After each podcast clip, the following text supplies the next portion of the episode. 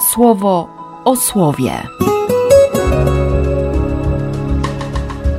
Rozważania księdza Grzegorza Mączki.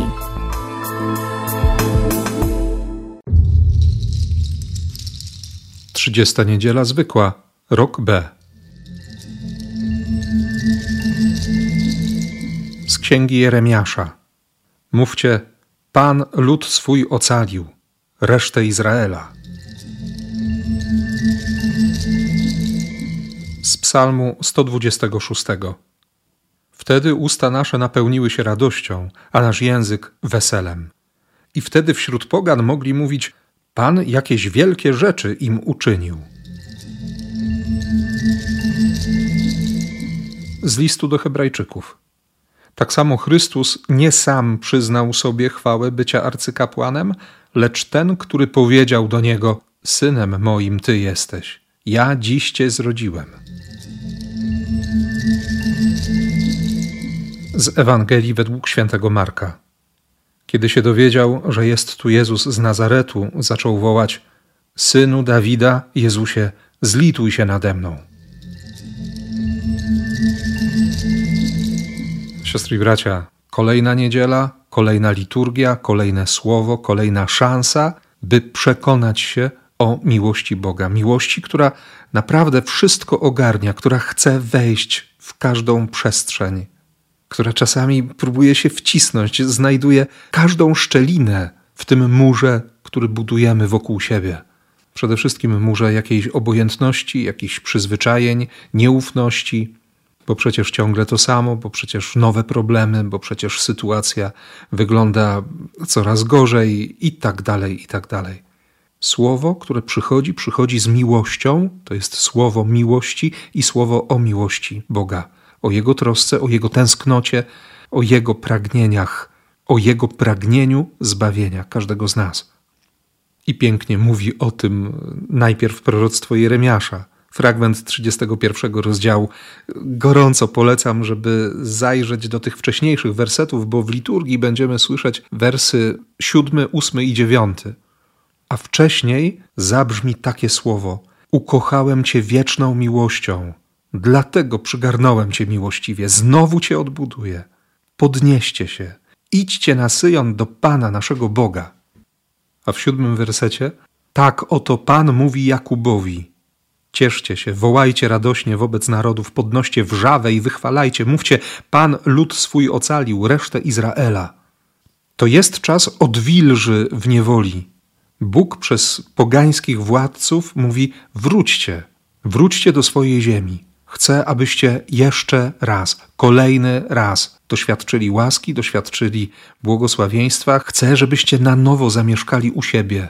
I pewnie, że można ten tekst czytać w kontekście historycznym, w tym powrocie Izraela do swojego domu, do swojej ziemi, z której został wygnany, ale to też jest słowo dla nas. My to słowo dziś czytamy we wspólnocie Kościoła jako słowo aktualne. Wróć do siebie, bo może zostałeś gdzieś wygnany, wyprowadzony, może dałeś się oszukać.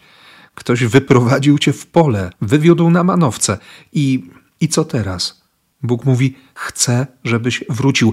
Poprowadzę cię, bo sam możesz nie dotrzeć, sam możesz zgubić drogę, a okazuje się, że przecież ta droga jest prosta. Wzdłuż kanałów drogą prostą powrócą.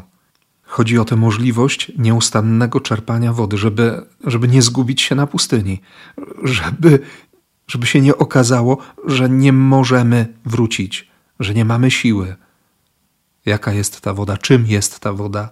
No przecież wiemy, to jest, to jest słowo, to jest łaska, to jest błogosławieństwo. Błogosławieństwo, które wyprzedza kolejne błogosławieństwo. Łaska w miejsce łaski.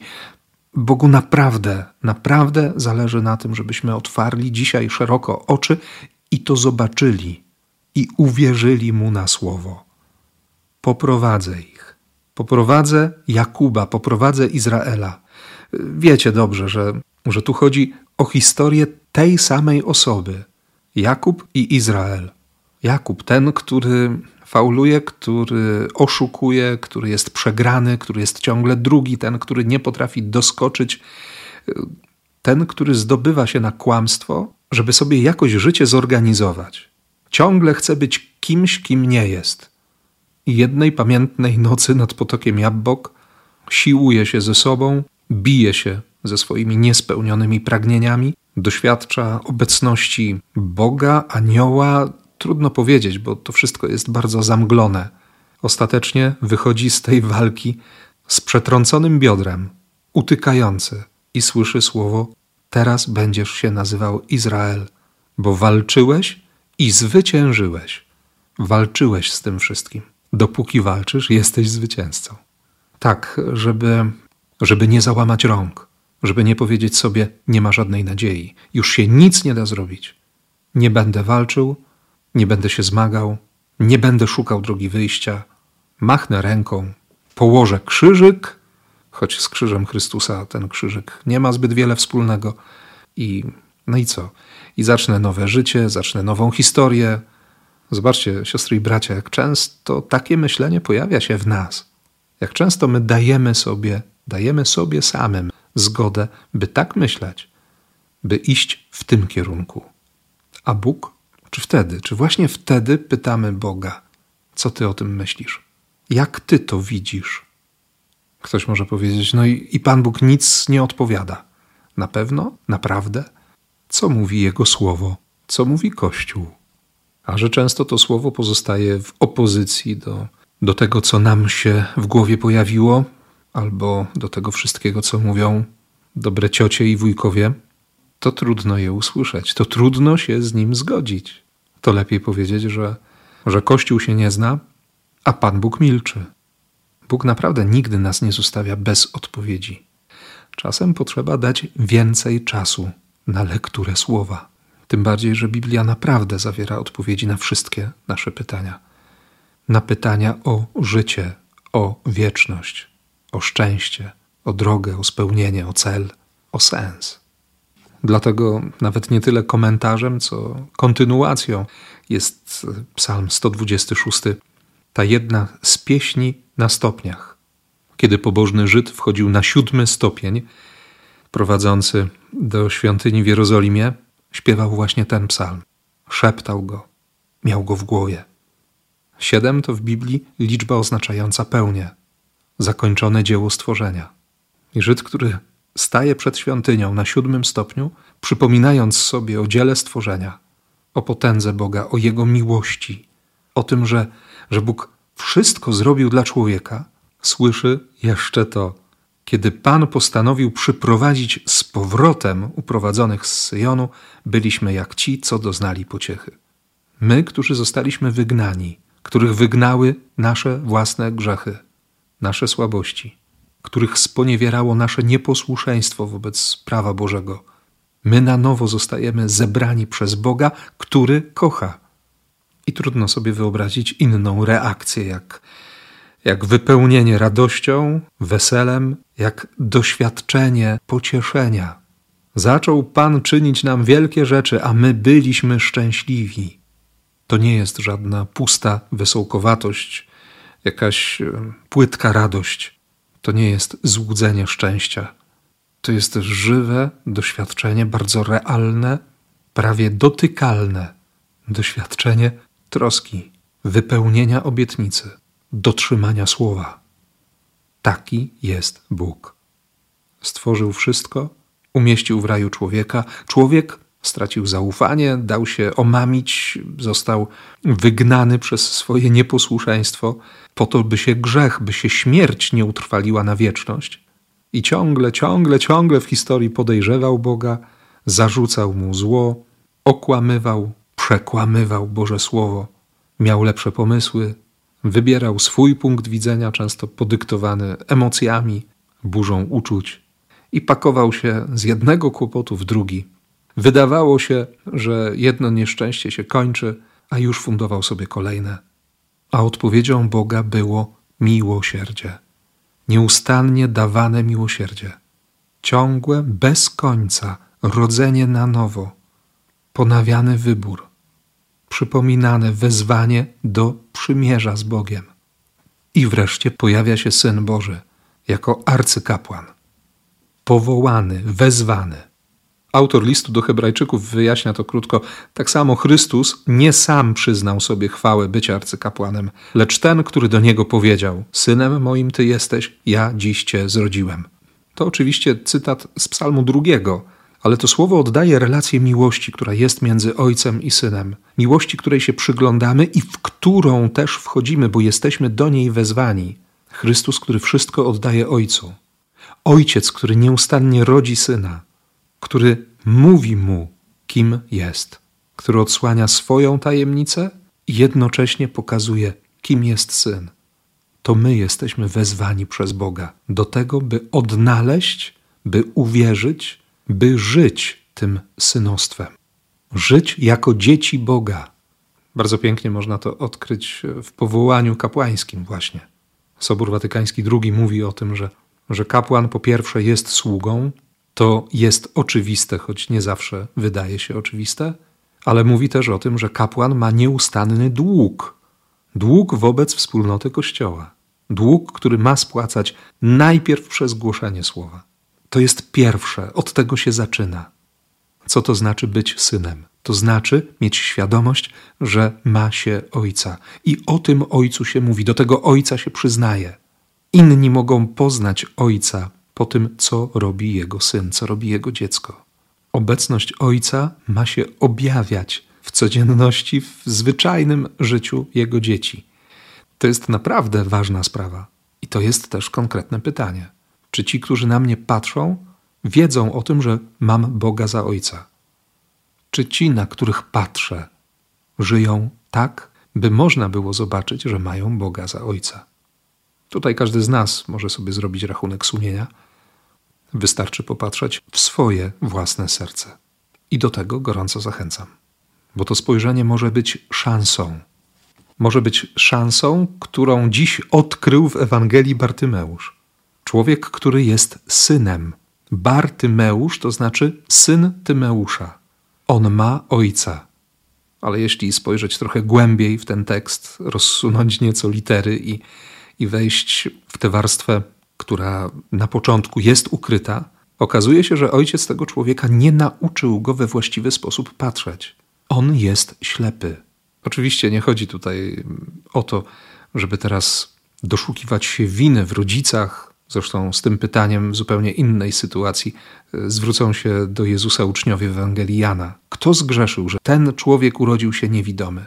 On sam czy jego rodzice? Nie, to nie ten kierunek bez względu na historię Bartymeusza, który nie ma swojego imienia, jest tylko synem swojego ojca, jakby bez jakiejś własnej historii.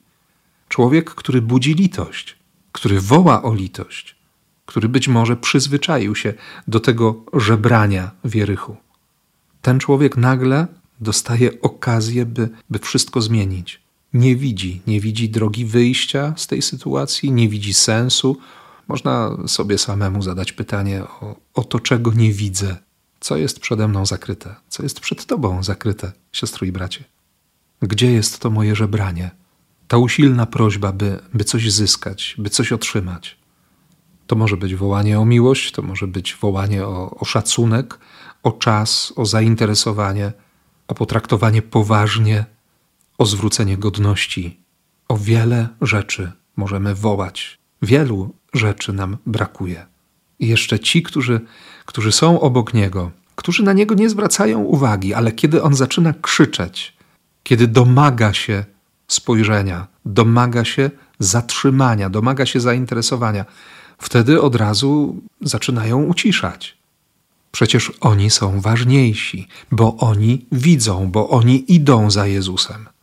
Straszna wspólnota, chora wspólnota, ślepa, kto tam był bardziej niewidomy?